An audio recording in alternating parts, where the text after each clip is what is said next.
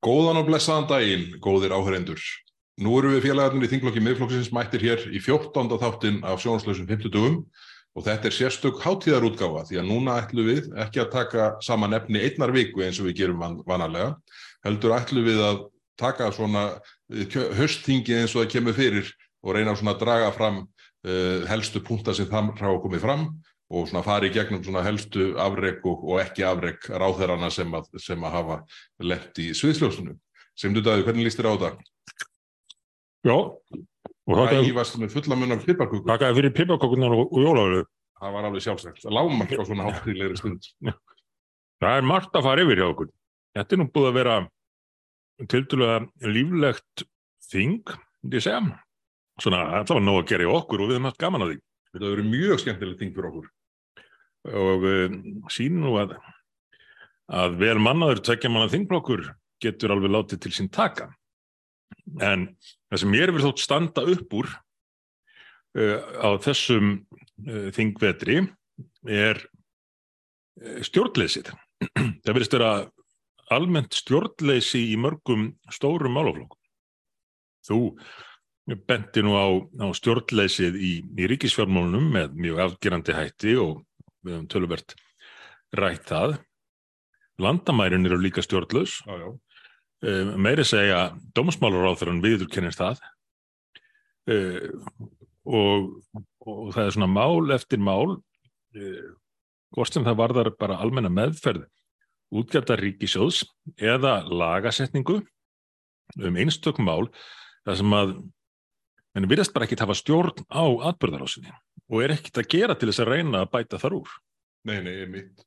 Manni þótti í aðranda kostninga uh, í fyrra uh, svona blasa við svona, svona sambland af stjórnleysi og ábyrðarleysi ráþerrana gagvart ríkisjóði sem er þeirra völsuð þar um eins og þetta væri þeirra eigin kostningasjóður. Uh, það hefur verið rifjað upp til dæmis að og oft gett grína því hvað uh, Ásmundur Einar Daðason valsaði við um með 20 miljóna hér og 20 miljóna þar í alls konar styrtasamning á loka metrónum. En svo sjáum við núna að stjórnleysi heldur áfram og menn eru að lofa sko 100 miljónum með SMS-um um allar koppagrundir. Þannig að þetta er einhvern veginn, sko, það er eins og fjármálaráð þeirra Bjarni Bendiktsson sem hefur nú verið svona vandur af virðingu síðan gagvart umgengnu um ríkisjóð hafa einhvern veginn mist tökin á húsjónum. Já, og afleðingin blasir við núna. Þingið var að klára að samþykja langstærstu fjárlögu í sögu Íslands, þar að segja mestu útgjöld, mestu eðslu á skatt fyrir almennings, sem nokkuð tíman hefur orðið, mestu aukningun á milli ára í, í eðslunni, hvort sem það er í krónumtalið eða, eða hlutvarslega, og svo er það ekki, ekki bjart sína framaldið, eins og við nefndum henni síðasta þætti, og ger ekki ráð fyrir að ná tökum á uh, rekstri ríkisjóðs í, í sinni stjórnar tíð. Ekki fyrir mitt næsta kjörtímabil. Bjart sín spá þeirri 2027 Já, og ég velti nú fyrir mig hvort að það er ekki yfirvonandi enn eitt Íslandsmetið í því að þetta sé lengsta hallatímabil ríkisjóðs í sögunni. En Ég held að hljóta verða það. En þetta er, það, það er ekki gott þegar Íslandsmetin eru öll rángstæði eins og, eins og þau eru núna hjá þessari ríkisjóð sem við sittum uppi með. Þetta- þetta er, og það er ekki bara sko, hérna, ríkisjóður sem ríkisjóðin ræðist á. Við sjáum bara stjættir eins og leigubílstjóra sem að virðast, ríkisjóðinni virðist sérstaklega nöfn við og landeigendur, það sem nú hefst senn annar ringur hérna óbyðanemdar landið um kring til að hafa eignalönd af, af bændum sem hafa tilert þeim og fjölskyldum þeirra ofta árhundruðum sama. Já, þetta er allt, allt eitthvað hálf furðulegt. En ég er að velta fyrir mér, ef ekki að svona paradaldið svona systematist í þetta og taka svona Jó. highlights reynum að gera þetta skipulega. frá hverjum og einu ráðherra því að ef við gerum þetta óskipulega þá verðum við hér til kvölds Já, það er viðbúið. þá missum við að leiknum. Já, við viljum það ekki. En hérna, uh, ef ekki að byrja fórsættisráðara, er það ekki svona Jú, hæfi að, að, að, hérna, að byrja þar og, og sko spurning hvort þú leiðir ekki inn. Já, þetta hafandi verið þarna um tíma þá, þá fylgist maður með þróuninni í þessu ráðunetti og það er alveg með ólíkindum hvað þessi ríkistjórn hefur náð að fjölga starfsmönnum. Starfsmönnum sínum, alls konar aðstofamenn og ráðgjafar og, og allt þetta hafa aldrei verið neitt í líkingu við fjöldan sem er núna. Eins og eini sem toppar þetta er Dagur Bjeggersson hérna með Að vísu. 20 manna varnarveikin, fjölmila fulltrúa varnarveikin sinn sem er alltaf til taks. Já, akkurat. En, en þau hafa líka látið mjög til sín taka í þessu og, og sérstaklega fósættisránandi sjálft eftir höfðunni dansa limitnir. Því að þar hefur orðið alveg gífuleg fjölgun á starfsfólki, alls konar aðstofmenn og ráðgjafar og, og hvað eina til þess að fylgja eftir hugðarefnum vinstri grætna sérstaklega. Og sumar sameinlegar ráðningar ríkistjórnarinnar hafa nú vakið aðtikli fyrir að, að taka ekkit endilega með að því sem að, að hinn í flokkarnir hefðu viljað hugsa sérvarandi pólitískar áherslur uh, þessara nýju starfsmanna en þeir láta það nú allt yfir sig ganga eins og, eins og gengur hjá þeim og uh, þetta hefur svona ítt undir held ég almennan vöxt í kerfinu, vöxt báksins sem hefur aldrei verið starra. Báknin aldrei verið starra, útgjöldin aldrei verið þess mikil eins og hjá þessari ríkistjórn og þau verðast ekki sjá neina leið til þess að, að bæta þar úr. Fósittisráðferðan hefur nú ekki verið með mjög mörg mál á þessu þingi.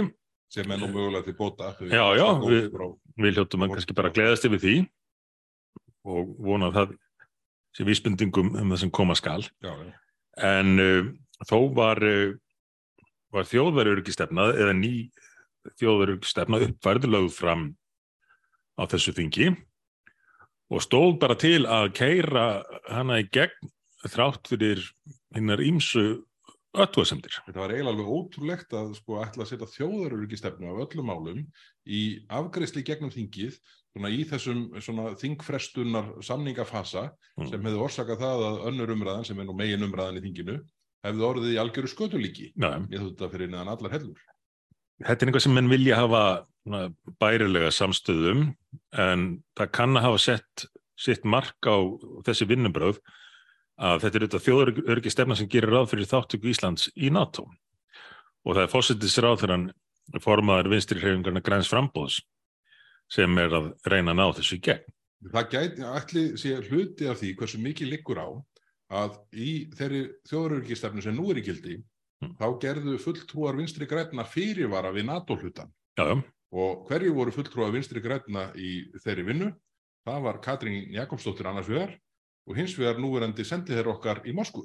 Já, já, fyrirverandi þingmaður eh, vinstri græna. Já, Að, en þetta, búið, þetta var alveg förðulegt og sem betur fyrir tókst nú að, að svona, uh, stýra ríkistjóninni í þá skynsanlega átt að fresta málunum fram í janúar en, en, en það er mikið lágast að lögða á þetta klári sem, sem fyrst á nýju þingi en, en þetta var, var engin bragur á því hvernig, hvernig ætlunin var að, að klára þetta mál. Nei.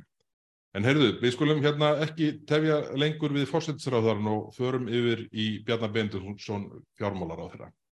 Þar eru þetta stjórnlaus ríkisútgjöld, stjórnlaus vöxtur ríkisútgjöldað alfa og omega þess sem að honum snýr þetta, þessi miserinn. Mm.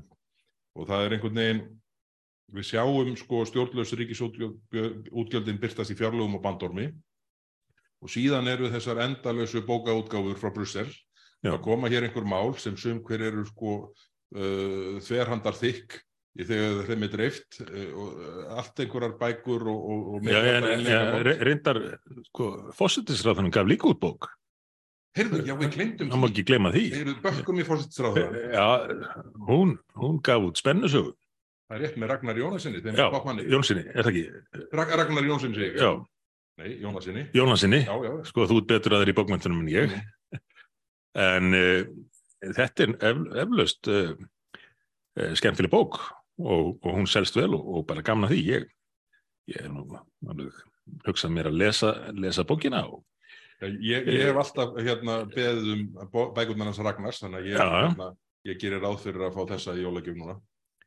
En þetta, já, þetta er svona óvinnlegt að, að fórsettis ráð fyrir að hafa tíma í að skrifa skáldsögu. Hvernig heldur að þetta hef, hefði svona atvikast í fórsettis ráð þeirra tíð þinni? hefður þú fengið svona frið með svona bókaútgáfu og um hvað hefður þú skrifað? Ég held að sé alveg óhægt að gefa sér að það hefði verið gerðar mjög töluverðar aðtúasendir við það ef að ég í, í minni tíð hefði skrifað eh, bók á meðan ég var fósittisráður en það er ekki sama hver er við höfum nú séð það og ég gæti talið upp mörg dæmi, ég heldur getur mér sér haft sér þátt um það að bera saman viðbröðin við einu öðrum þegar að ríkistjórn sem að hinnar talandi stjettir er ósáttar við eða svo eins og núna þegar að fósitsráðurann er, er í náðinni hjá þeim. Uh, en hvað hefði maður skrifað um? Það er nú, uh, já, ég hefði líklega bara skrifað um einhvern einhver dreng sem að var að reyna að takast á því kerfið og mætti alls konar hindrunum í því, lendi í miklum æfintýrum. Ætlaður það bara að skrifa um alla Íslandingi í einni bók? Já, þú náðum mér þarna. Er, þetta væri svona einmitt dæmisaga um hinn hinn típiska Íslanding. Já, okkurat, okkurat. Við höfum hérna gott af slíkri lesningu. Erðu en förum þá aftur yfir til fjármálar á þeirra. Sko, það er svona sjálfstætt áhugjefni hvað mál fjármálar á þeirra svarðar að þau eru mörg hver svo mikil kerfismál að það skilur þau ekki nokkur maður Já. og alveg öruglega ekki ráð mögulega stöku embættismadur sem hefur eitt lífin í að skilja þessi fyrðu regluverk. Ekki þingmennir sem að íta á grænatakan. En sko þessi kerfismál klárast mm -hmm. og menn áttast ekki á afleiðingum þeirra fyrir allt er um garð gengið og það er í raun og orðu og seint. Þetta er alveg gegnum gangandi og, og, og ágerist. Og er stórkostlegt vandamál. Hvað kerfisvæðingin gengur rætt, svo, svo tala mann stundum um það inn á milli að það þurfu nú að reyna að að minga báknið og einfalda kerfið. En það gerist sama sem ekkert í því en á færibandinu koma kerfismálinn, þau eru innleitt án þess að mann gerir sig grein fyrir aflengunum þanga til þeir sem að verða fyrir áhrifunum af málunum lenda í vandraðum hver á eftir öðrum. Litlu fyrirtækin alveg sérstaklega. Maður heyri frá svo mörgum í atvinnurækstri sem er reyna að spjara sig með lítið fyrirtæki búa til verðmætti og búa til störf að kerfið sé alltaf að leggja nýjar hindranir í veginn. Og það á ekki hvað síst við um allt þetta nýja regluverk sem hefur haldið áfram að koma á færibandinu á þessu þingi og getur oft á tíðum verið bísna galið, mannstu til, til dæmis eftir þessu með, með raunverulega eigendur? Þegar að menn sátu stjórnendur kirkjukóra landið kring, sátu sveituðu tölvuna komast að því hver ætti kórin og já. hvernig ætti að skráða þetta alls saman.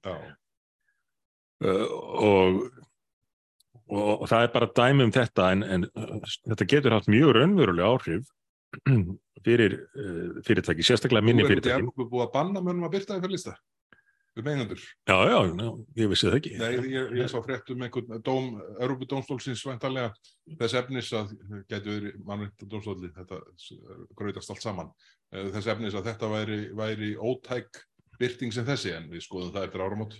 Já, en það er spurning hvort að íslensk stjórnmöld uh, ger einhverju því en að minnstu hvort eru þau dögleg við innleðingar á, á regluverki og því floknara því hraðar fer það hér í gegn með þeimun minni umræðu og uh, svo koma áhrifin bara í ljóð síðar. Og þetta er algjörlega ótækt ástand. Er þetta ekki, ég, hérna, ég hef ekki hugsað út í þetta frá þessum uh, vinkli áður, en því floknar að því hraðar fer það í gegn. Já. Er þetta ekki sama vandamál og oft hefur verið, verið gert grínað að í sko sveitastjórnum landsins og, og í rauninni heimin, heiminum öllum þar sko ef það verið tvö mál á dagskrá annað væri sko smíði á sko hérna kjarnorkuversmiðu í hérna í bæjarfélaginu hitt sko staðsetning á hjólriðastandi já.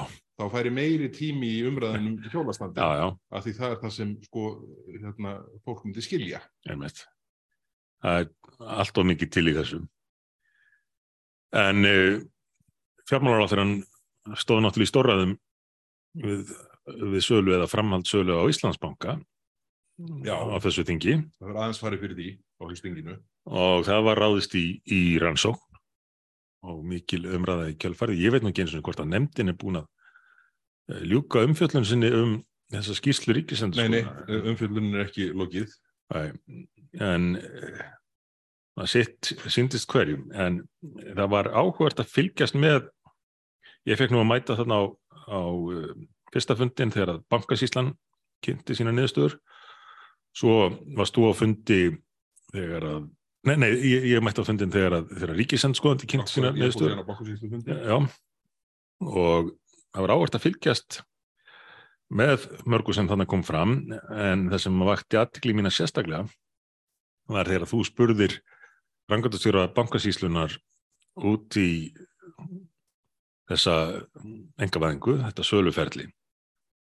Og hann eiginlega held í, já ekki eiginlega, hann bara held í fram að uh, önnur engavæðingin hefði hefnast miklu betur heldur en svo fyrri. Og svona til upprivínar fyrir hlustendur þá snýrist umræðan um setni sölunabankarum að miklu leit um hvort að ríkið hefði átt að selja á 117 eða 118 eða 120 krónur. Akkurat. Í fyrirsölunni seldi ríkið á 79 krónur sem var hámarki sem að lagt, lagt var til að þeir voru að spá í.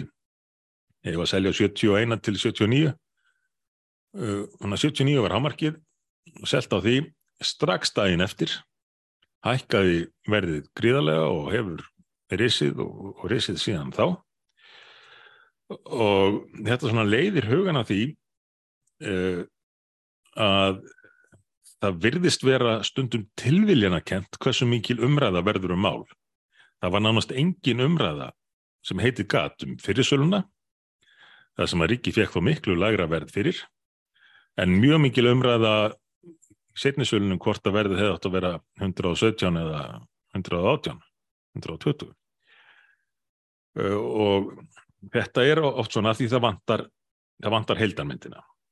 Við erum eini flokkurinn sem hefur lagt fram tillögur um heldarmynd í, í um, bankamálunum í, og hvernig var ég hægt að nýta það tækifæri sem gafst til að endur hanna fjármálakerfið á Íslandi og láta það virka fyrir almenning vorum með tillögur til dæmis varandi Íslandsbanka núna síðast um að aðfenda einfallega öllum Íslandingum til japs hluti í bankanum. Þá er þið til markaður, er þið til raunverulegt verð og enginn geti sagt annað en að, að þetta hefur verið gert á sanngjarnan hátt með því að skila einfallega til hvers og eins egna hlut sínum í bankanum. sem hann á í raun í dag Já. gegnum ríkisjóðs. Mér, mér hefur þótt fjármálar að taka undir þessi sjónamið undanfarið en, en svona hann allir hugur hans líka ekki einhver staðar í námyndaðu það að aðfenda 5-10% af eftirstæðum hlut. Ég, ég sá kvóti hann frá því á síðasta kjörtíðanbili þar sem hann sagði að kemur til greina að aðfenda 5%. Já. Við, við höfum, auðvitað lagt til að þetta verði bara lagt afhent uh, raunverulegum eigendum bara komplett eftir staður hluturinn en það gæti vonandi tekið samkomulega um þetta á nýju ári og, hérna, og, og, og við erum búin að óska eftir sérstakar umræði við fjármálar á þeirra um þetta þegar þingjum saman Já, já. En, en á meðan öllu þessu stendu þá hefur bankin bara gengið sjálfala. Já, og, og er orðin svona, orðin svona, svona réttrúnaðar fyrirtæki. Kemst kannski næst ríkisútvarpinu í þeim efnum. Ég skrifaði nú greinum um réttrúnaðar rekstur bankans á sínum tíma. Og nú er, er bankin farin að reyna að fá fólk til þess að stopna reikninga fyrir börnin sín. Út af það að þá fáið fáið þið ókipis bókum Gretu Thunberg og, og útskýringar á lofslagsmálum. já, já, nefnitt Mjög einhliða útskýringar á lofslagsmálum. ég, ég mann það nú ekki dí- eh, smáatriðum efnislega en, en það voru hér sko atriðir snéru að kynja hlutföllum í stjórnum og þess áttar sem að bankin Já, já, bankin fór að, ég menna þetta núna, bankin fór að skipta sér af fjölmiðlum. Út frá því hversu margir að hverju kyni væri í þáttum og hótað að hætta að auglýsa ef að það væri ekki og jöfn kynjarhlutvöld í þáttunum semst meðal starfsmanna. Sko þetta, það er nú, það er nú ýmsum sem, eh, sem að hérna, uh, slá umsum með umræðum bankaábeldi en þetta er nú sannlega einhvern mesta bankaábeldi sem ég hef heyrt af í mörg ár. Sko, Banki, hvað þá ríkisbanki eins og hann var þá að meira hluta á þessum tíma getur ekki leift sér að fara að hó- hóta fjölmiðlum um að uh, dreifa auðlýsingafíi eftir því hverjir fá að vinna á þessum fjölmiðlum eða hva- hvað, hvað kemur næst? Hvað, hvað þeir segja í, í fjölmiðlunum? Það er næsta skref, það er auðvitað. þetta er ágefni En, en er þetta ekki sko partur af, hérna, ég kom nú inn á það í þingræðu fyrir einhverjum vikum síðan, þar sem ég velti því upp, sko, býtu til hvers er ríkisjóður og það var þá í samhengi við að ríkisjóðin taldi sig vera búin að klúðra þeim möguleika að selja það sem eftir er af Íslandsbanka eða afhendan eins og, eins og við höfum lagt til. Mhm. Þá velti ég upp, býtu, hvað er ríkistjórnin að vilja með eignarhlutin í landsbankanum og meðan þessi armslengdar sjónarmið ráða öllu já, já, þá, þá er þetta auðvitað bara einhvers slags fján hyrðis og menn valsa um eins og um hugnast sjá nú bara landsbankin núna er að byggja yfir sig dýrustu landsins já.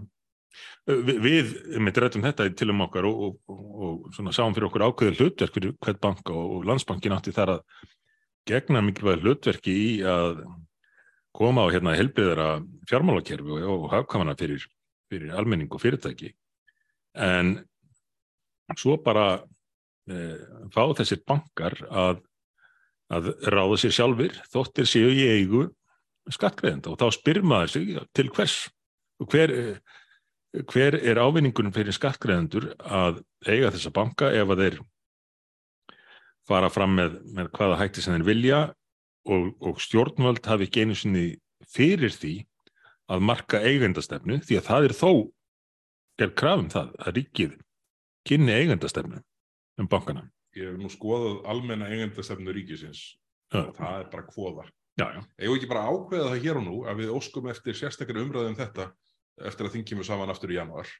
Jó, er, sko, Hvað, hvernig bankarnir starfa í, í, í bóði ríkistjórnarinnar sem að lætur þá einfalla um að gera það sem þeir vilja. já, já, akkurat. Hvort sem það er að blanda sér í, í pólitík eða, eða hækka, hækka gjöld og álugur og, og gælda listin hjá þessum böngum er að hann er nú halgjert grín í tengslum við þessi Íslandsbanku umræðu sinni tíma þá fór ég yfir gjaldskrá bankans og gjalda liðirnir er orðinni fleiri, fleiri, já. En já, við, við tökum þessa umræðu í þingin eftir herðu, við skulum færa okkur yfir til Sigurður Inga Jóhanssonar, formans framsvonarflokksins innviðar á þeirra.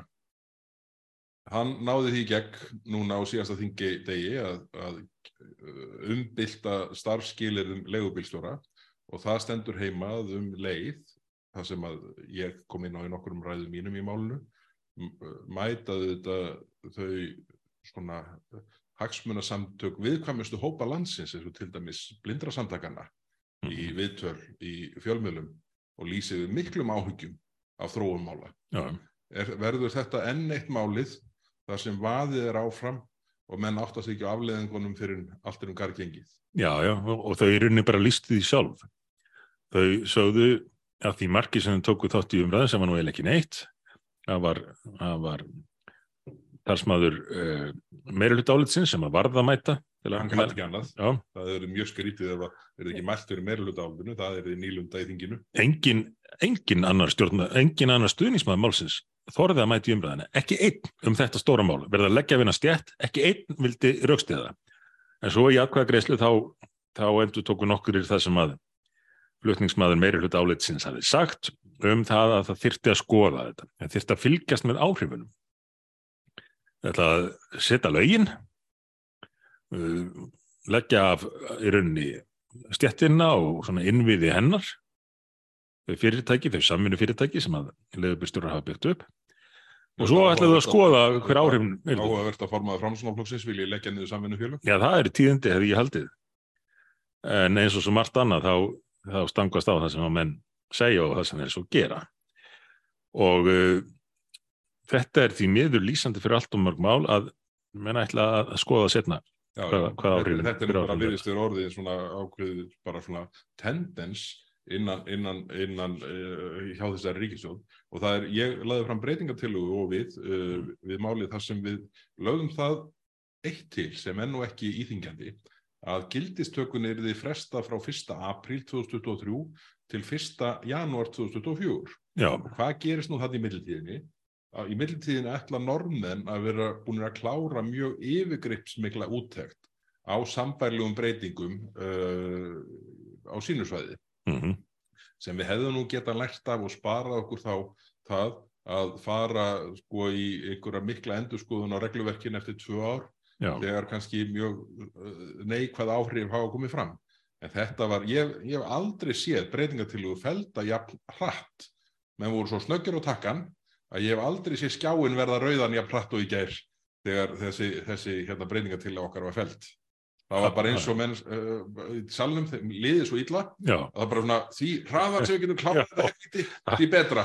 Svo viljum við aldrei hugsa um það. Eins og þú var að rífa á einhvern plástur, þetta var alveg merkilegt. Já, þetta, þetta var mjög, mjög undarlegt og, og, og, og þetta verður auðvitað að vakta hér áfram og hérna og, og bara það að sko þessi einfalda breytingartillaga um að fresta gildistökunum átta mánuði, er allt sumt. Átta mánuði þeir sem munu nýta sér þessar breytingar munu eflaust þurfa meiri tíma til undirbúnings heldur en það hvort sem er. Já, já, þannig að þetta er að öllunni getum ekki hafa nein áhrif.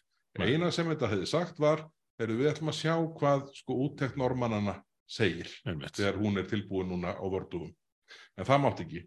En það er fleira sem að hérna, sem að innviðar á þeirra hefur gert núna og það var nú samþýtt húsalegulu í gær sem að eru, ég hef kallað letidýra frumvarpið það er, það er verið að þennja út bakni til að halda utan um, um hérna, upplýsingar sem liggja allar fyrir Já, já, í þinglistum leigusamningum.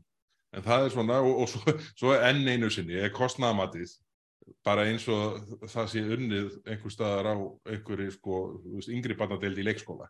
Mm, það er bara, þannig eru menn búin að samfæra um það, um það að þetta gerist allt saman að sjálfum sér og það sé engin stokkostnaður og engin rekstrakostnaður já, þetta eru þetta alveg með ólíkindum og ég skil bara ekkert í fjármálur á þeirra að gera ekki alvarlega ratúasendir við þessi kostnaðamöld ráðanetana og þegar, já. þegar, þegar við gaggrinum kostnaðamöldin mm, þá koma nefndirnar kalla málinn stundum inn og hérna ætla aðtúa með þetta kostnaðamat mm, og hver er spurður? Sá sem vann kostnaðamatið já, já, sá sem skrifaði textan í já, þannig virkar það. Þetta er allt eitthvað fáránleikus já, já, það er það, en þetta mál eins og svo mörgunur virðist eh, vera bara spurningum að hafa sett lögum málið. Og málið heitir húsalegu lög. Og þá getur þetta, já, við erum búin að gera eitt og annað í, í húsalegu málum. Algjörlega óhað innihaldinu, sko. maður hefði nú haldið að aðili eins og ASI myndi fagna húsalegulögum hvernig lísti ASI afstöðu sinni til þessara lagasetningar eins og hún lág fyrir á þeim tímapunkti á fundi velferðarnemdar í gær? Mm, sem blöytri tusku í andlitið. Hversu Þeir- illa rángstæður getur eitt ráð þeirra orðið? Þeir kíktu á innihaldið og sáu að, að það var ekkit að bakvið. þetta á en ekki neitt Heyrðu, en við getum ekki farið frá málasvið innviðar á þeirra, Formans Framsmálflokksins öðruvísin að nefna stuttlega að uh, flugullurinn í Vassmýrinni, þar eru árásirnar auðvitað linnulausar frá borgarapparatinu og, hérna, og, og, og halda áfram og, og, og okkur tókst nú sem betur fyrir að vekja ráðherran núna já, í byrjun þings með varðandi uh, fyrirhóðu uppbyggingu í skerjafyrðinum, nýja skerjafyrði sem Já, já. vonandi heldur það stopp. Það var, eh, það var vel gert hjá þér, Bergþór, hvernig þú, hvernig þér tókst að, að koma því á dagskrá og setja hann í þá stöðu, hann gat ekki annað en bröðist við. ég er ekki vissum að hann hafi svarað eins og hann gerði viljandi. Ég held að þetta hafi verið óvart. Mm. en um leið og hann svaraði með bærilega skynsanlegum hætti þá Já. gata hann ekki annað en fyllt í eftir. Já, já, en svo eru, svo eru önnur mál sem eru því miður á verri stað, það er sundabrautin ég hef nú stundum sagt að ég telji sundabrautina fjær því að verða raunveruleik í dag heldur en þegar ég hætti sem aðstofa maður samgangur á þeirra höstið 2006 þetta er auðvitað ótrúlega staða það verðist ekki úr lausulátt í gripið því að hvað hefur borgin gert? Hún er aðalega að byggja í, veglínu sundabrautina. selja land undan veglunni, Já. byggja í veglunni, byggja að veglunni, þrýða land að uh, veglunni, þetta þetta, þetta er allt saman, Borgin vill ekki sundabraut Nei. og, og sum, sum þeirra með þess að segja það. já, já, og Dagur B. Veggersson hefur aldrei viljað sundabraut Nei. og hérna, en hann er bara lægnarinn margir að segja það ekki beint út og svo bara raðplatar hann Sigurð Inga þegar hann er í hann í síma. Eh, Það er vegna þess að þau eru á móti bílum. Þau eru móti fjölskyldubílum. miklu leiti bara móti fólki, en við skulum láta Já, já. því að þetta sé á móti Já, bíl. já, það má vel fara rauk fyrir því. En það var nú gott að, að koma bíl hérna niður eftir í dag í, í uh, snjónum og Það stóð ekkert um að stöngin upp úr hlaupahjólunum sem við sáum hér á stangli hér og þar. já, já, og, og þetta væri sko, ein, einhvert mesta framfara skref í, í hvað var það, hagkamni í samgöngumálum landsins að ráðast í þetta verkefni og borgin gerir ekkert annað en að skemma fyrir því. Og eins og þú segir, ríkisvaldið lætur alltaf plata sig. Endalaust, aftur og aftur og aftur. Uh, og ég grínast nú með það hérna í einhverjum fyrir þáttum okkar að ég hef talið mikilvægt að í, í samgönguráðunitinu sem er nú kallað innviðaráðunitið hefði verið hengt upp mynd af degi Begert sinni og sagt ekki hleypa þessu manni inn. Því það virtist vera að í hvert skipti sem hann næði fundir ráð fyrir hans þá, þá endaði það með einhverjum óskupum, einhverjum undirritunum og, og samningum. Er, þessu tengt, bara því að því skýtur niður í kollin á mér. Nú er verið að tala um það að innleið aftur svo kallar varaflugvellagjald til að byggja upp varaflugvelli hér innanlands til stuðningsflugvellinum í Keflavík. Ég skal tekka á þessu, en ég er eiginlega alveg vissum að þetta varaflugvellagjald var lagt niður í tíð Dagsbjö Eggerssonar sem formans samgöngur ás. Já. Hann er búin að vera þvælast fyrir skynsælega uppbyggingu samgöngun við áratugum saman. Já, Þannig að það er ekki við góða búast. Á þeim orðum færu okkur yfir í borgarlínuna. já nú, nú þarf vist að leggja nýjar álugur á landsmenn bæði á vegfærendur, á, á vegum landsmenn, vegum landsins og á skattgreðendur til að fjármagna borgarlínuna fyrir hvern? Borgarstjórun í Reykjavík. Þetta var stærsta kostningamál flokksins. Og, eh, og fjármálur á þrann og innviðar á þrann hafa tekið það að sér að, að standa ströym af þessu að miklu leiti og fá, fengum í staðin að hafa einhvað um það að segja hverjir innu hjá fyrirtækinu sem að, að halda utan um þetta. En peningarnir viðast að mestu leiti að koma úr ríkisjóði Já, já, öllum megin, megin þorrið.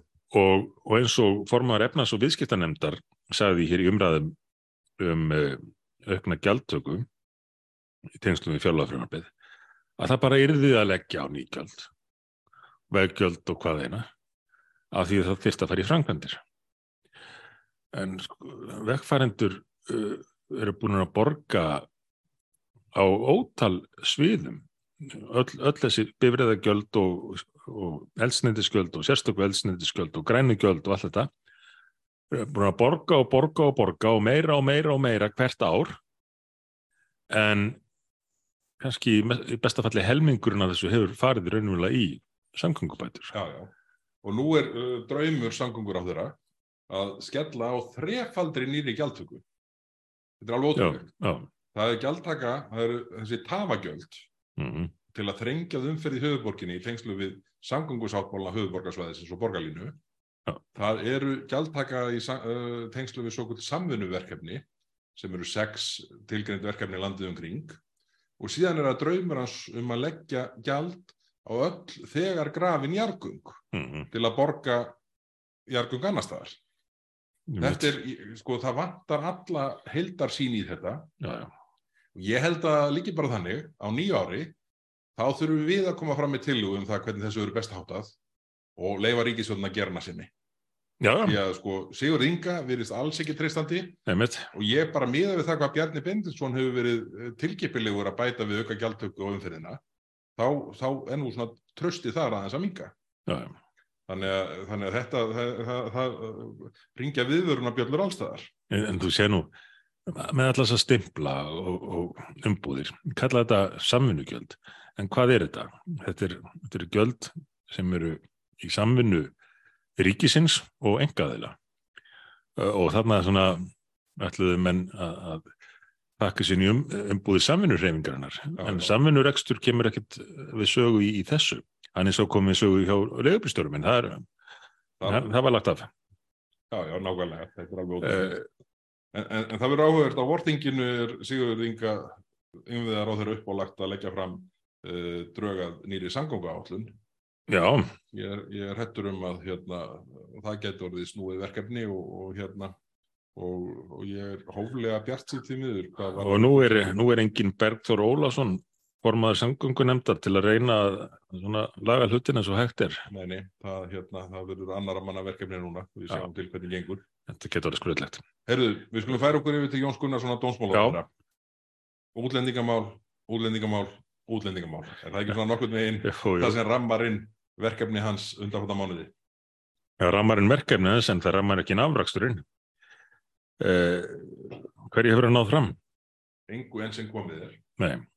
Við, ekki nema, nema því að fá lofvorð að því virtist frá samstarfsflokkum sínum í ríkistjórn þegar þing kláraðist núna síðasta vor um það að útlendingamálið hans í fymtu tilraun verði forgangsmál og færi hrætti gegnum þingið. Nú er það orðið forgangsmál á næsta ári. Já. Og svona gengur þetta fyrir sig ár eftir ár. Og samt sá Jónu ástæði til þess að þinna málið út enn meira í vonum, í vonum að samstagsflokkanir myndu standa við fyrirheitið um að hleypa því þá í gegn.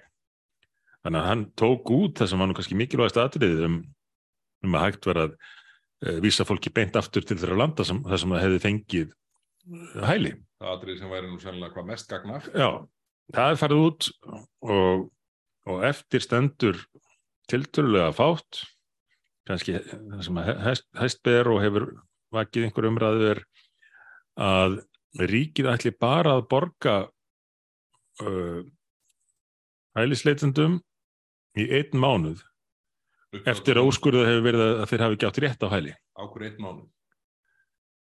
Mitt, uh, það er semst búið að úrskurðum það. Þegar við Íslandingar missum rétt til einhvers frá já. uh, gerist það ekki yfirleitt bara samdægurs að Jú. menn missi þau réttindi.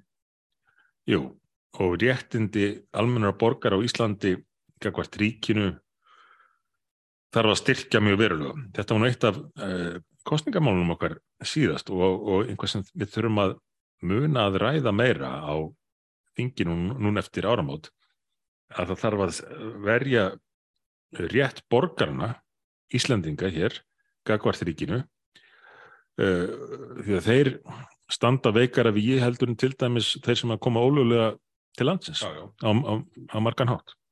Sem, þeir sem koma ólulega til landsins í dag og fá á endanum vernd, þeir eru rótni jafnsettir þeir sem koma inn í gegnum kvótakerfi, kvótaflótamannakerfi saminuðu þjóðana. Já, eftir breytingar í lók síðasta þings sem sjálfstæðisflokkurinn tók þátt í að knýja í gegn og er svo niðurlagður enn á ný með litla útlendinga frumvarpið sitt.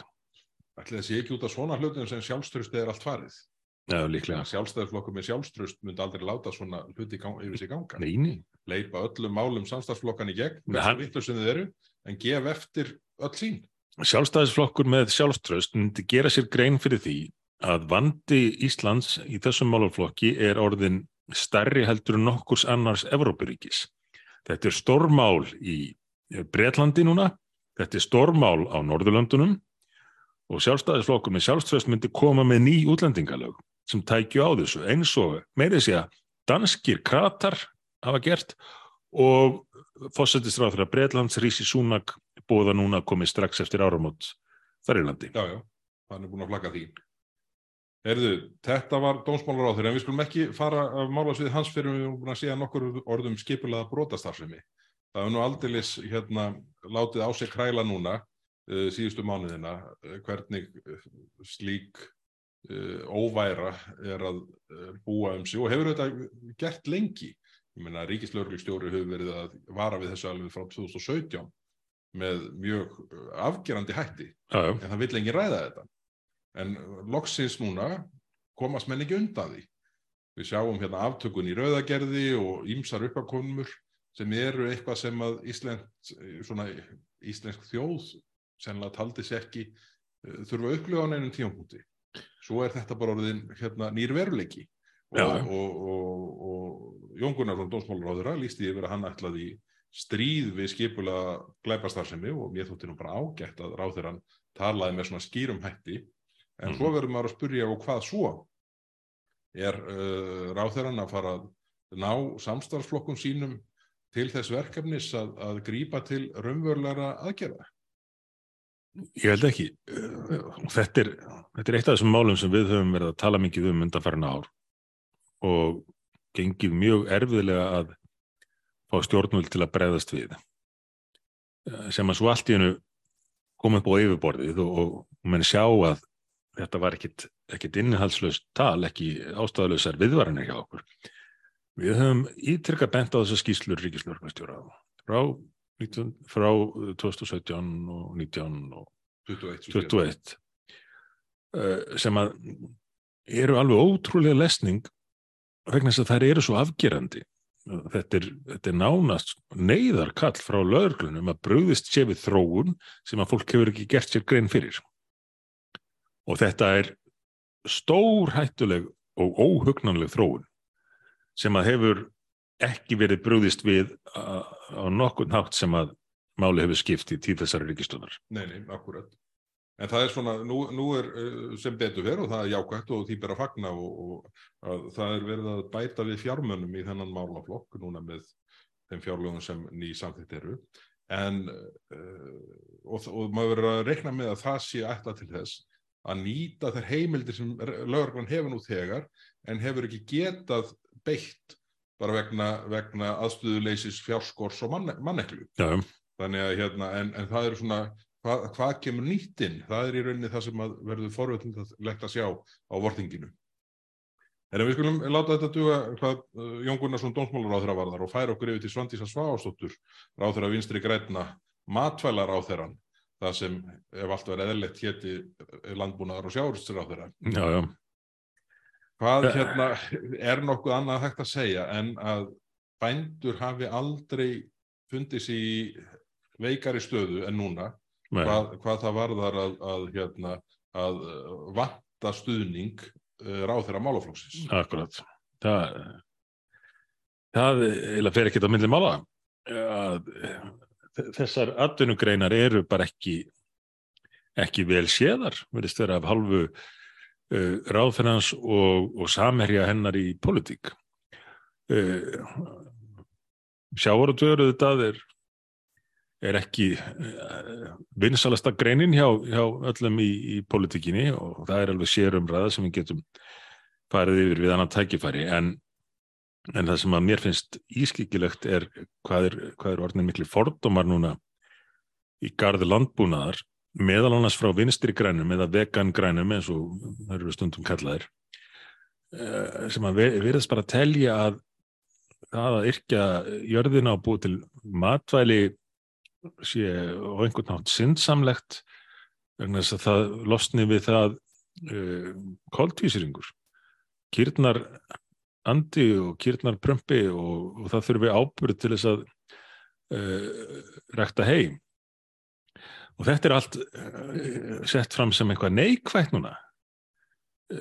Það að yrkja landið og, og búa til matvæli er ætti að vera einhvað það göfugasta sem að, sem að við menninir gerum og þetta er það sem hefur haldið í, í okkur lífinu á þessari eigu í 1150 ár Já, já, en sko ég held að bændur hafi aldrei fundið sér þeirri stöðu að vera með ráð þeirra síns málaflóks sem stiður til að mynda ekki við innlenda kjötframleyslu. Nei, nei. Þetta er, þetta er algjörlega ótrúlegt. Og svo eru fleiri sendingar eh, sko, sem bændur fá í fangi þessa dagana eins og 173% hækkun á uh, uh, gjaldtöku vegna rúlubakkaplast sko, sem er sko, reikningu til bænda á þess að þeir fái neitt tilbaka upp á réttum 100 miljónir. Upp úr þurru. 100 miljónir. Það er verið að hrifsa tilbaka þann snautlega stuðning sem bændur fengu mm. uh, til að mæta sko óðbóðslugum áföllum í rekstarunumhverju sínu á liðnum misserum.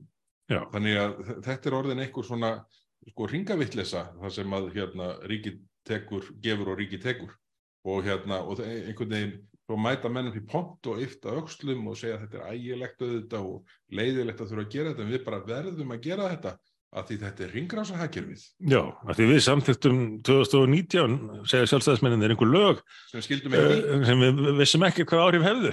Nei, nei, þetta er bara það bara verðum við að gera þetta. Mörg margtana regluverkið að menn sko hérna bara uh, fljóta sovanda feyðarótri og svo uh, einhverju misserum setna koma áhrifum fram og þá eru menn voða sorgi en segja þetta er bara búið. Við samþýttum þetta hann í á sínum tíma og við getum ekkert gert. Svo... þess vegna er ennþá verið menn eins og bjánar að endur metta atvinnubílstjóra nokkur ára fresti með nokkur ára daga námskiði til að þeir hafa réttindi til að keira við landamæri. Já, já, þetta er alltaf sem bókinu lært. Og svo kom inn og segja já, við verðum að skoða þetta. Já, já. við verðum að skoða hvað við getum gert og svo já, gerist ekki neitt. Það gerist ekki neitt, það er málið sko Herðu, látum við þetta duga með matvælaráðarann, maður fer í svo vond skap Já. við að hérna, ræða það hvernig bændur landsins eru handiraðir þessi missel. En það er ekki vist að skáni núna. Ég ætla að færa okkur yfir til umhverfis og orkumálar á þess. Það er ekkit annað.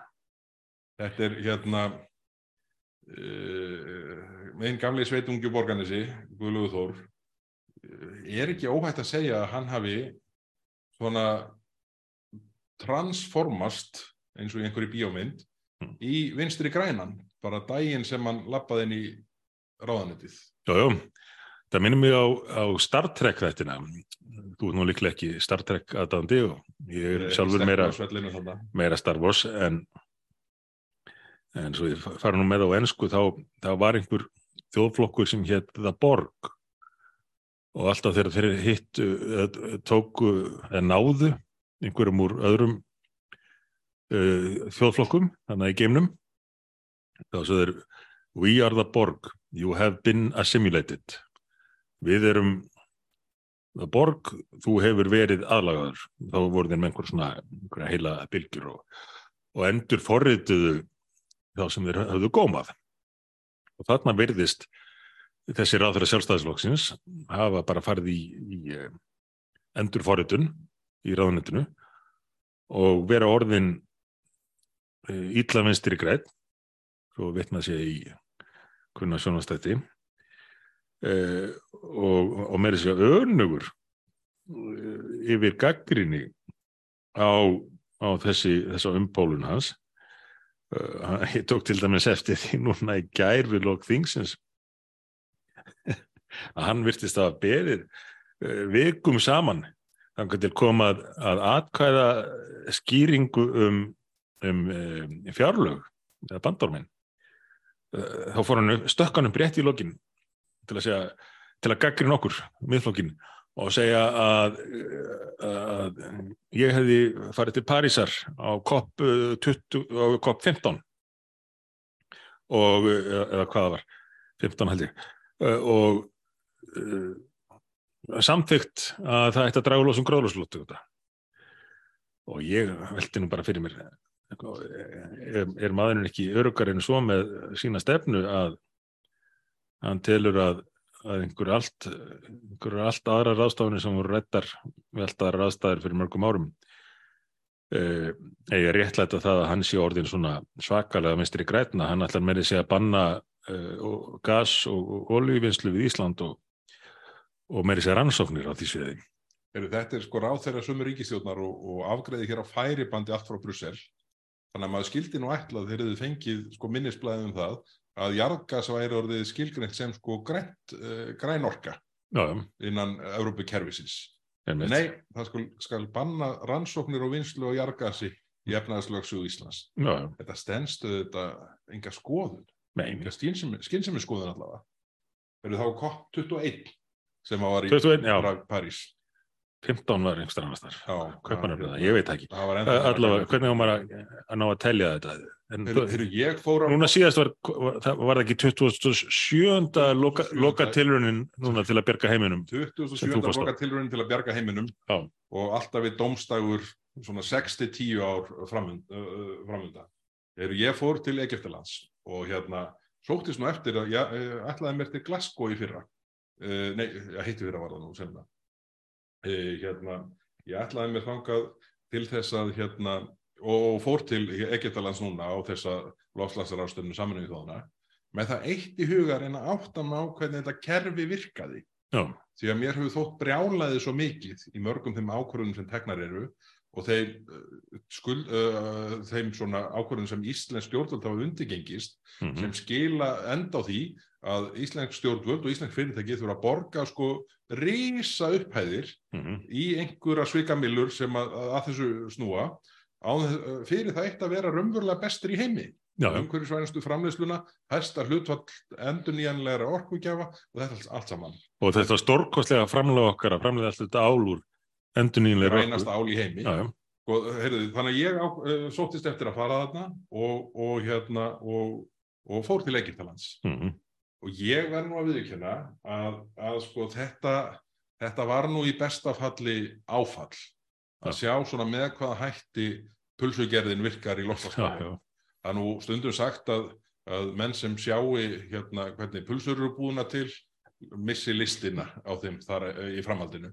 Ja, þú veitnar þarna held ég í Bismarck sem að sagði að lagagerð, lögsetning væri svipuð og pilsugerð að því leita að maður vildi ekki sjá hvernig þetta færi fram. Akkurat, það var það nákvæmlega þannig og, og við förum nú kannski yfir það í, í sér þætti síðar en, en, en þetta var þetta með fullkomnum ólíkindum sumt af því sem maður sá þarna og hvergi var ástandi verra heldur í þeim samtökum sem ættu nú að vera kindir, kindilberar líðræðis og, og opinar umræðu og, uh, og þarfum til göttunum alþjóða þingmannasambandið var ég að fulltrúið fyrir þína hönd á, á þessu þarfahaldin og, og ég, ég, það er bara ekki tími til að fara í það síðar. Hlustendur eiga það inni, það kemur í sérþætti hérna milli, milli í, í þingliðinu Ég hef heilt hlut af, af sögunum, það er, er ákveðtis skemmti efni eða væri það ef það var ekki svona sorglegar. Já, já, já, það er náttúrulega þannig, sko.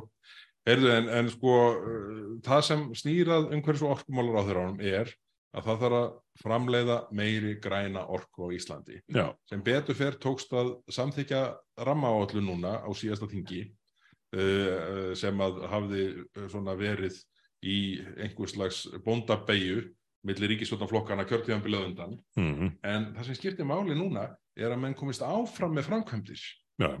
því að re reglan hefur því miður svo að mál, verkefni sem er í nýtingaflokki um þau má slást áfram en verkefni sem er í verndaflokki eða byggflokki þau má aldrei nefna á nafn og þannig að þetta er þetta er hérna ég er, ég er svona ég er hóflega bjart sín ég von það er mjög mikilvægt fyrir land og þjóð að menn komist áfram núna en ég er því miður Það er bara stöðut verið að hanna einhvað kerfi sem að hefur það eðli að það þvælist fyrir já. framkvæmdum og.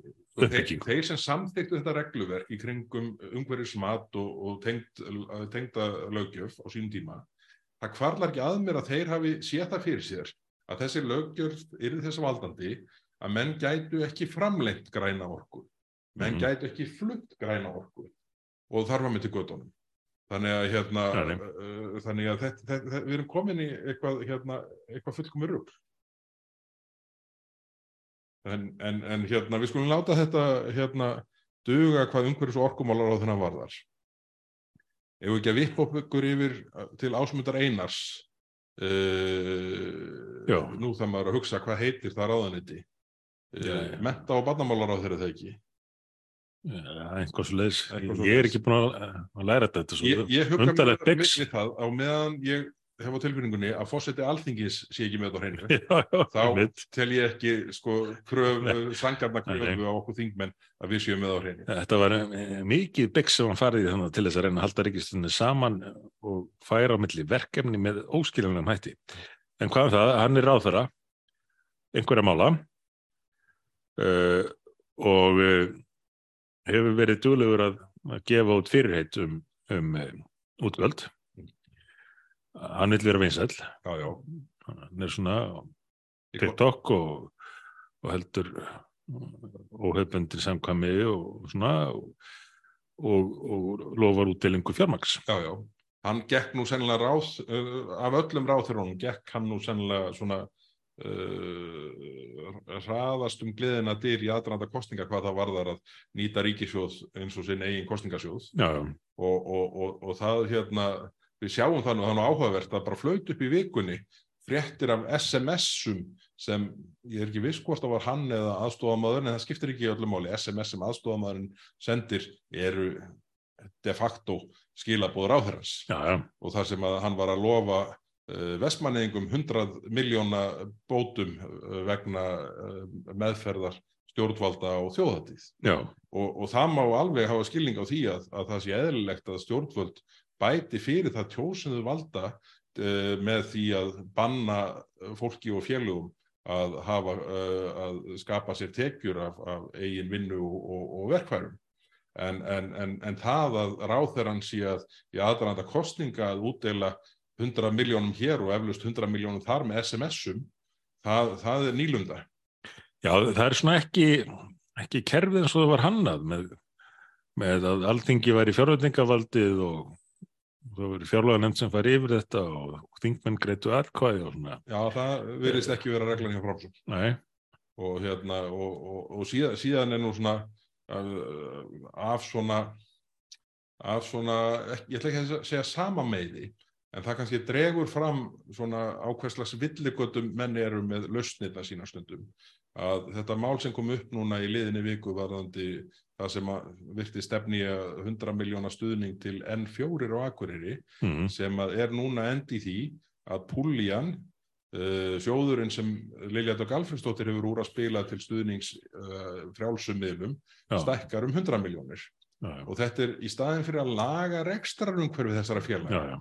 draga úr skriffinsku, minka uh, útgjöld, sem óþarfa útgjöld, uh, En tókst þetta í- úr skattemtu meðal annars, tryggingagjald, virðisökið E- er gert. Það eru óteljandi leiðir færar, Já, já. en nei, menn ákveða, fyrst að stopna sjóð sem sko uh, ráþeira situr á og, og tekst einhvern veginn að forma regluverki þannig að sá miðill á Íslandi sem sennilega býr til hvað flesta klukkustundir af íslensku efni á ljósokamiðli Já. sem er útvarp saga, er ekki krónu Já, og síðan sjáum við núna að N4 sem heldur úti frábæri dagskrá landið umkring Akkurat. lýsir þeirri stöðu sem félagið er í Mm. í samkeppni við sko ríkisútvarpið meðal annars sem hefur núna á næsta ári held ég í fyrsta skipti rúma 8 miljard úr að spila Já. auglýsingatekjum að, hérna, að, að þá endi þetta í einhverju svona furðu uppákomu þar sem að sko framsóknarmenninni koma sér í stórkostlega vandræði Mm. og það endar á því að viðbótar fjármunir sem voru ætlaðir í svona sérstakar lausnir Já, já. enda í sjóðunum sem að sko er þannig formaður að þetta virðist allt vera svona hérna uh, gethótta ákvarðanir. Þetta er alveg yfirgengilegt klúður og, og uh, það hvernig munum tek, tekst ítrekkað að- klúðra þessum fjölmiðlumálum er alveg merkilegt því að vandamálun eru sannanlega til staðar uh, fyrir íslenska fjölmiðla á þessum litla markaði, ég tala nú ekki um fjölmiðla á landsbyðinni en í staðin er komið á kerfi þar sem að ráðherran getur með því að setja búa til reglurnar, hanna reglurnar uh, uh, komið fjármagnir til þeirra fjölmiðla sem að hugsanlegur ráðherra, ég er ekki að ég er ekki að saka nú undir ráðherra um neitt en hugsanlegur ráðherra getur einfallega sniðið reglurnar að því að þeir fjölmiðlar sem að hann vil helst hafa góða eða friðþæja að þeir fái eh, peningana. Og, og, og svo er farið út í einhverja svona ráðstöfun sem endar með því að, að þetta fer bara inn í, inn í ráðherranum. En, en tókstu eftir hvaða skýringu uh, fjárlæðanemndin gaf á, eða meiri hluti fjárlæðanemndar á því að þetta færi til ráðherrans til útilegar það var vegna fjölmiðla umræðu. Fjölmiðlaumræður. og og þarna þekki maður eh, nýju framsókn eins og þeir vilja kalla sig. Þeir bókstaflega taka ákvarðanir út frá því sem að fjölmiðlarnir fjalla um sem að gefur þetta, fjölmiðlum ákveði vald yfir þeim flokki og, og til dæmis í legubíla málunni þá ger ég ráð fyrir að menn sé að vonast til þess að fá allavega eitt sæti hjá Gísla Martini eins og einum þætti fyrir að hafa klárað það En þetta rifjar upp fyrir mér að Vilhjálmur Átnason sem er nú í fjárlæðanemnd fyrir sjálfstæðarflokkin sagði að þessi ákvörðin hefði verið tekin vegna þess að umfjöllun ríkisútvarsins, RÚF, á landsbyðinni væri svo léleg. Og á sama tíma samþykja menn að þetta sama ríkisútvarp bói 8000 miljónir á næsta ári úr að spila. einmitt Þannig að þetta sko rekst, uh, já hvað á annars hotn ef svo má segja. Þegar nú skulum við færa okkur yfir í. Heilbriðisráðan, já er nokkuð annað en byðlistar, byðlistar sem Það er- það er það sem er helst að frétta eh, úr því ráðnöti.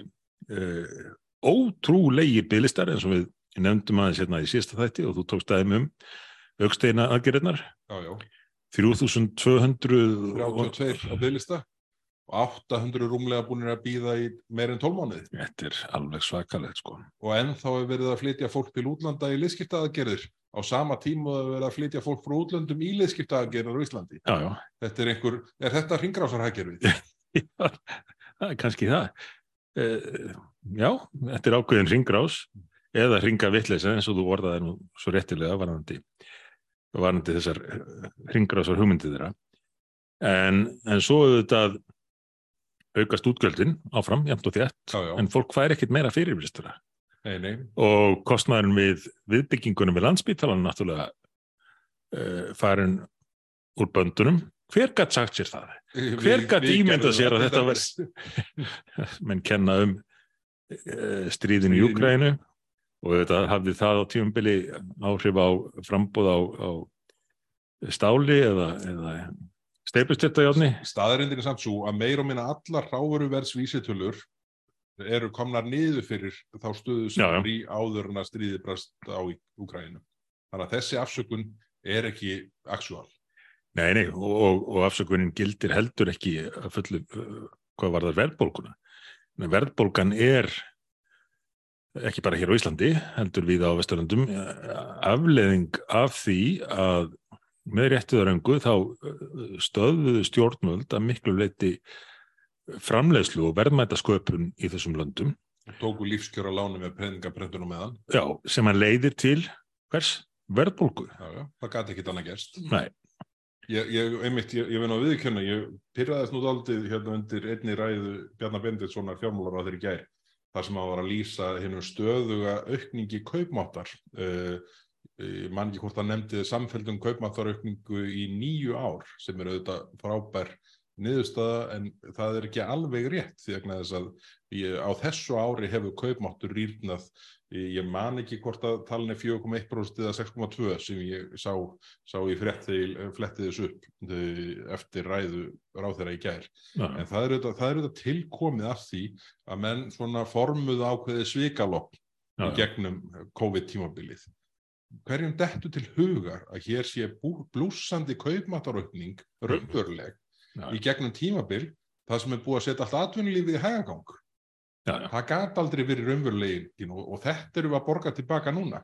Hér var fyrir ekkert mjög mörgum árum ríkistjórn sem að ítti stórkostlega undir verðmættasköpun, tók yfir kannski þúsund miljarda að núverði frá uh, erlendum vónasjóðum og án þess að ítundi verðbólgu. Það er ekki saman hvernig, hvernig hlutinir eru framkvæmdir en nú er pólitíkin farin að snúast bara fyrst og fremst um umbúðurnar og þá leifa menn sér að pakka hlutunum inn með þeim hætti sem að fjármálaráþarinn gerir nú. En hvað ætli viljum fái svona langan tíma í ráðanetinu til þess að svona fóta sig, svo má segja? Því að það virðist vera þannig að enn sem komið er, hátt að gerast. Menn þetta pyrruðu sig á því og töldu það sem var í gangi á liðnu kjörtíðanbili vera tilkomið vegna svona marxískrar nálgunar þáverandi ráð þeirra Svandísa Svávastóttur. Já, En það er ekki augljóst að, að staðan sé neitt mikið betri hvað varðar, varðar til að mynda samskipti ríkis og enga aðila á helbriðismarkaði í dag. Nei, sko, málið er það að Vilnum er bara svo kurteis. Ég er ekki viss um að hann sé svona kurteis í, í búningsklefanum þegar hann er að þjálfa fótbollalið en hérna í þinginu þá svarar hann eiginlega öllum spurningum með því að segja að þetta séu góður ábendingar, mikilvægt að skoða þetta og, og það verði farið í vinnu við að, að velta þessu fyrir sér að skoða það. Eh, Og, og þannig er hlutunum velta áfram. En er það hægt enda laust? Já, maður spyr sig. Það, það hefur gengið að, að einhverju leiti allavega, förðu er lengi. að skoða þetta á næsta kjörtíðanbili? Eins og Bjarni í skattalækan? Já, já, já, ætli það ekki. Ætli það ekki, eða, eða þar næsta svona. Já, það verður að hafa smá svona, Já, tíma svigrum til að vinna með. það er mitt. Nei, Þetta, þetta er al- al- algjör furða og, hérna, og ég veit að margir hérna, voru bísna bjart sínir og, og höfðu tiltrú á viljum í þessu verkefni. En hann þarf að fara að slá ansi hresseli í klárin. Það, við viljum sjá sko, fótbolta þjálfaran, Já, taka bara búningsklefa ræðu á ríkistjónina og, og útskýra að þetta gangi ekki svona lengur. hann þarf að hrista af sér þess að kurteisi og koma ykkur í verk. Já. Já, ég held að þetta séu skilabóð til viljum á eins jákvæðum nótum og, Já, já. og mögulegt er. Við hvetjum hann til dáða, en enn sem komið er, er, hérna, er hann eh, ekki búin að gera, vera að gera það sem að margir höfðu væntingar um. Sérstaklega í ljósi þess hvað var mikið dauða færi í því fólkið að fara inn í þetta ráðuniti í kjölfar fjögur ára af marxískri stjórn Svandísa Sváðum. Já, já, nákvæmlega. Erðu, en þetta er hérna, þetta er nú ráðherrarnir við hérna, það er nú einhverju fleiri ráðherrar, það er búið að fjölga þeim svo mikið, ég man ekki hérna hverjum við erum að gleyma. Það er eitthvað lítið til hérna spurst greinlega. Já, þeir hafa verið í útlendum og einhver staðar hérna í, að, í einhverju svona sem að, já, það maður þó ekki gleyma því að þeir sem skila fæstum málum inn, þeir þessa dagana valda mist, minnstum óskunda og, og, og tjóni. Já, hrósaðum fyrir það. Já, við skulum hrósa þeim Já. sem eftir eru, þeir sem við hefum ekki nefnt, þeir eru ráðherrar hustingsins. Við ekki að segja það. Þeir sem við glemdum eru bestu ráðherrar hustsinsins. Þeir hafa valdið minnsta tjóninu. Einmitt. Heyrðu, en við verðum svona aðeins að hérna koma inn á, nú fyrir að styttast í teipinu, að hérna, að sko, þú komst nú inn á hérna áðan þessi atriði sem virðist þurfa orðin tendens hjá ríkistjóninni, að það eru samþykkt lög og svo þurfa að skoða þau setna, það er að skoða Já, já. þau setna. Það er jafnvel, sko, er sko lögbundin endurskoðun að því menn eru svo óvissur um hvort það er vitið því sem þeir eru að gera, það er bara sagt, lögin skal endurskoða ekki setna en x og þetta kom nú síðast fram, var þetta ekki húsalegulegunum í gær? Eða var Já, já. það í, í hvaða máli var það í gær sem að, eða var það já, leigulega? já, já, þeir tók upp að því á loka metrunum þegar við vorum búin að hamra á þeim og hamra á þeim og hamra á þeim uh, fyrir hversu vittlösa þessi nálgun þeirra væri að koma með þau einu rök að þau myndu fylgjast með þróuninni. Þá uh, smeltuðu inn tillögum það að, að lögbinda það að lögin yrðu tekin til endurskoðunar 2025. Lögbinda endurskoðun Já. í nýrri heildarlögjöf? Já, já. Í stað þess að samþykja til okkar um að gefa smá en að lögin taka gildi til þess að skoða í, hvað stefnir, Ég meina það er her mann í Noregi að skoða þetta, okkur ekki að nota það. nákvæmlega, í staðin á að endur skoða þetta þegar að skaðin er skeður. Og þetta er því miður allt of lýsandi og, og gerist í, í mörgum málum, þetta gerist í, í rúlu eh, bakka plastmálunu. Það er ætlaðu svona að spá í hver áhrifin verði og hugsanlega reyna einhvern veginn að koma til Guðlaugur bændur. Þór ætlar að hitta bændur eftir áramót. Já, já, rétt. Lögin eru tekin hann ætlar, að, hann ætlar að hitta bændur eftir áramót þegar lögin eru búin að taka gildi og ég veit ekki hvort að innviðar á þeirra ætlar einhver tíman að hitta fulltrúa leigubýrstjóra Nei, en nógu lengi þurfti formaður þeirra að, að býða í kuldanum Það var bara heppin að verða ekki úti. Það 11 alveg stiga örugglega frost og, og bara lokað á hann Þetta er alveg, og alveg fullkominn dónaskapur, það bara sást í þessari eh, frétt frá, ég man ekki hvort á ríkisútvarpið eða vísir, sem að hérna var með upptöka þessu, það er bara beinlinni skellt á nefð á hann. já, já, Ég hef aldrei séð svona. Og Já. öðrum megin við hurðina var svona 22 steg hitt og hinum megin 11 steg frost. já, já, Og þar stóð kurteisir maður á skirtunni, Já. ætlaði að aðfenda innviðar á þeirra einnarblaðsíðu hérna áskorun. Það, hérna, þetta er alveg, þetta er makalust. hann reyndi líka að mæta við ráþurabústæðin og þá var göttunum nú bara lokað. Ef hann hefði verið frá einhverjum no borders samtökum eða lofslagssamtökum þá er ekki vissum að menn hefðu lokað göttunni og, og skellt á hann. Nei, nei, þetta, þetta vakti aðtegli að, að menn voru snöggir til að, að, að hérna, að svona, uh, uh, hvað hvernig er best að orða það, að reyna að draga úr áhrifum þessara, þessara aðgerða. Herðu en, svo núna verðum við líka eiginlega svona summera þessu upp hérna þessi mál sem við höfum verið að ræða í fimm, rúm fimm ár síðan miðflokkurinn kom inn á þing höstu 2017 já, sem sum hverjur voru þeirra gerðar að menn þóttu, menn þó, mennum þóttuðu púkaleg og það var hleyið að þeim. Bókstaflega þessum tilugum Bókstaflega í sumum tilugum. Nú er þetta orðið alfa og omega umræðunar. Orkumálin, útlendingamálin, mhm. fæðuöryggi, svo þrjú séu nefnd af Já, handahófi og þau eru miklu fleiri. já, já við getum nefnt fjármálakerfið við getum nefnt skipulega glæpastarfsemi eins og við tölum að þessum áðan allar viðvarnir okkar um ríkisreksturinn og hvert hann væri að stefna. Óbyðamálin, það sem menn alltaf núna í annan að hafa eignarlönd af bændum landsins. Og landsbítalinn, ný, nýr landsbítali á nýjum stað sem við, við börðumst nú fyrir. Já, já, og okkur var sagt að tölvan bara segði nei, það væri búið að verja svo miklum tími að undirbúa þetta. Það er að halda frá klára vittlisuna. já, Ég, ég fullir það, ef að menn hefur brotið nýtt land, hvort sem það eru keldum eða vígulstuðum, eða hvar sem það hefur verið, já, þá væri landsbítalinn ekki sko nýkomin upp úr grunninum, Nei. heldur væri hann rísin. Stór glæsileg nútímaleg bygging með alla nýjustu tækni, þjónustu á heimismæli kvarða, þetta hefði verið hægt. Peningarnir voru til, við vorum búin að tryggja það þarna í, í, bankaslagnum eða uppgjöri slitabúna. Það hefði verið hægt að gera þetta svo vel og svo hratt uh, og á stað sem að henda því, uh, henda því ekki bara borgarbúum, heldur uh, fólki af landsbyrnu líka að komast uh, fyrra á sjúkráðsíð í staðin er farið í að byggja við húsnaði sem að við heyrum uh, ítrekkaðar fréttir af miklu vandamálum að farið að byggja við það á umferðareginu hérna við Ringbröð. En þetta er afraksturinn af þeirri pólitík sem er rekin af hálfuð þessari ríkistannar. Það er nú málið. En svona undir lokin, þá verðum við að hérna, taka til tvö svona hátíðleg jólamál. Ég ákvað það núna í vikunni uh, í liðnum störf alþingis, störfþingsins, að ræða málefni svörtu keilunar við fósetta. Ég hef haft það fyrir reglu að gera þetta. Segðu fólki hvað svarta keilan er? Svarta keilan er alveg hræðilega ljótur grjóthullungur sem stendur hér fyrir, fyrir framann alþingishúsi. Sem borgar yfirvöld hendu hérna við ingangin til þess að hæðast að alþingi. Þetta er einmitt til þess að hæðast að alþingi. Þarna á hverjum degi sendir borgarstjóri alþingi fingurinn Já. með því að, að koma þessu, þessari hörmung þarna fyrir.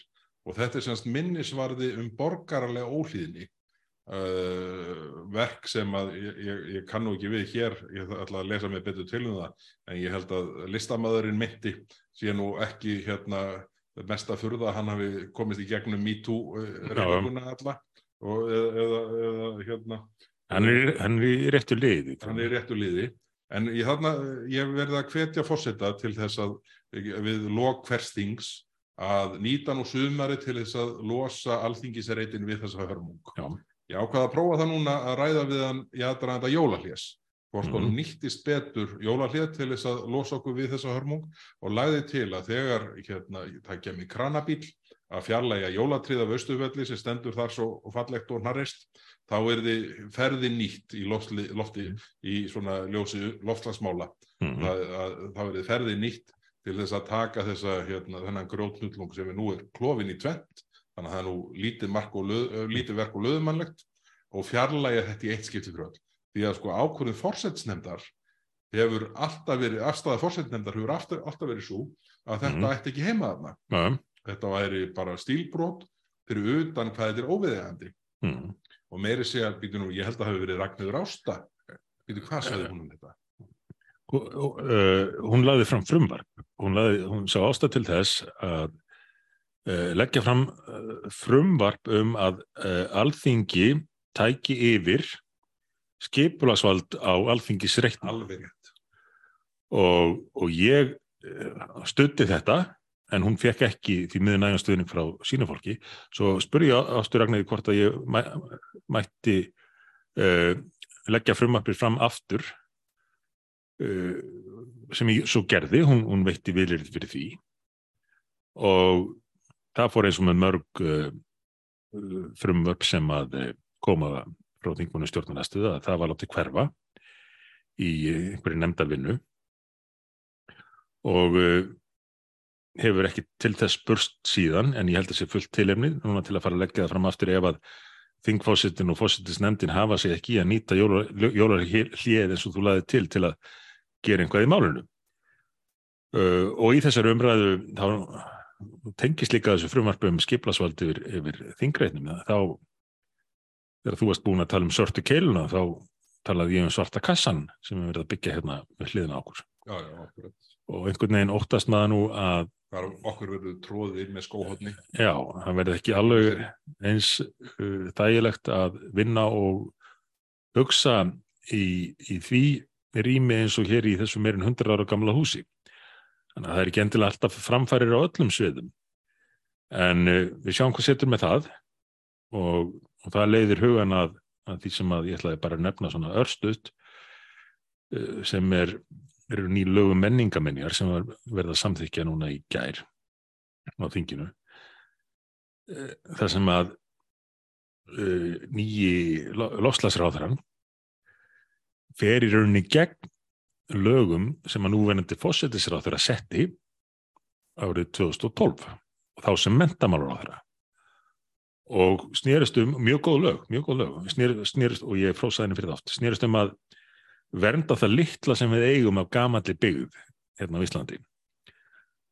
Og þannig áttu hús sem að voru 100 ára gömul að njóta ákveðinar verndar. En uh, uh, það hefur nú ekki alltaf verið staðið við það. Lögin voru með ómargar gloppur þannig að þeim hefur ekki alltaf verið fyllt. Að minnst okkur stíði út, það má líta þá ef við erum að, ætlum að vera bjart sínur þannig á það að það séu tækifæri til að að ráðast í framkvæmdir áhuga lögunum þegar að menn telja nöðsynlegt en allavega, nú kemur ráð þeirra í ríkistjórn Katrínu Jakobsdóttur og tekur þessi lög úr sambandi.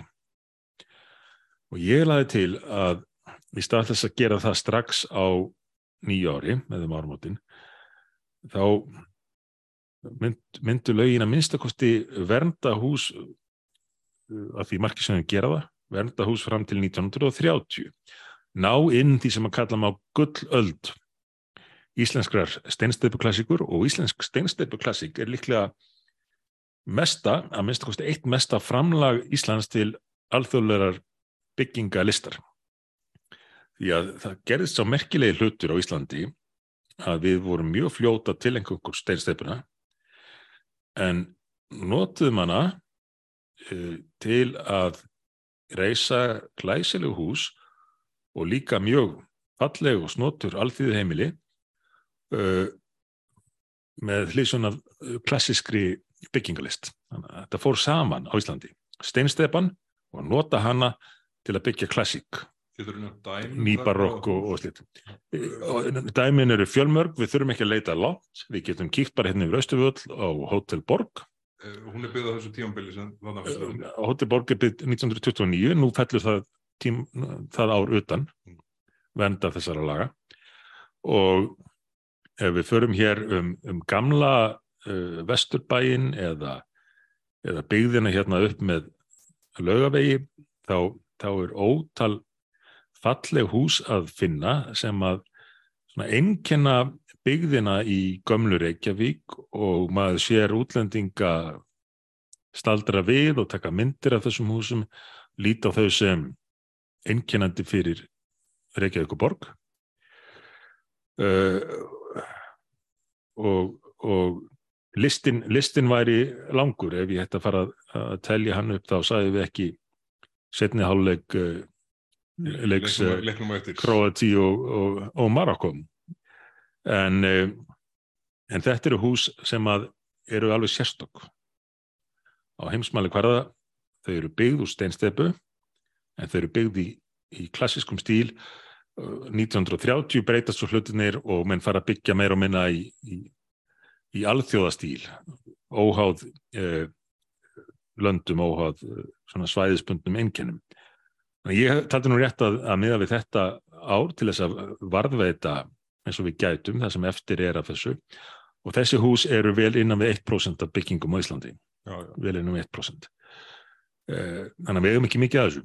Við hefum hlutvarslega minnst af svona sögulegri byggð af öllum löndum með Európa og við ættum að verja það betur. Við ættum að gera það en, en fósittisir að það má reyndar eiga það. Hún kom upp í atkvæðskýring og saði að það þyrta að skoða þetta að skoða þessar aðtóðsendir mín aftur komið að þessu með að skoða þetta. Já, já, já. Eh, en, en hún allavega hún mögða það, hún, hún gerði það. En e, eh, þeirra og, og restin af þingliðinu fyrir utan held ég nokkra þingmenn flokks fólksins e, feldu þessa þessa tilögum og svona gengur þetta nú fyrir sig hér. Og hægt við að það muni gera áfram. Það er, það er kosið út frá því hver kemur til húnna í hvaða liði hann er en ekki út frá innihaldinu. Já, já, það er gömulsán í. En uh, það finnum að stýta síðan svo hjá okkur í dag.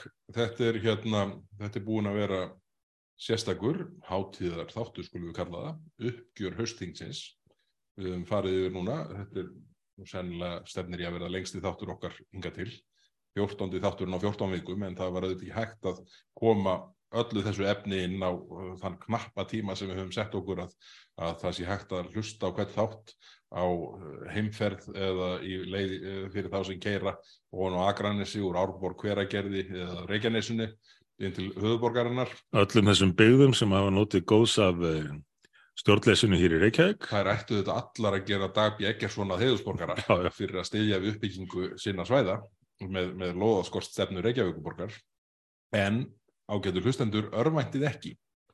Það verður ekki hlje á uh, útgáfu sjónvarslusara 50 daga þar, þar til þing kemur saman heldur höfu við félagarnir ákveðið að gera sérþætti.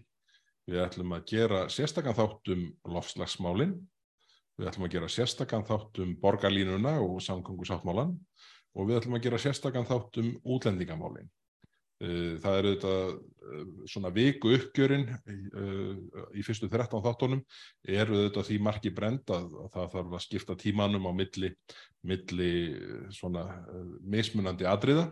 En við ætlum að núna í jólahlíðinu að gera útbúa og taka upp þrjá svona sérstakar þætti. Þar sem við reynum að ramma inn þessi þrjú rísastóru mál og ég bara vona að þið sem hlustið á þættina vikulega Eh, munið hafa ánægi og gagna af því að, að hlusta á slíka sérþætti um, um hvert þessara reysa mála.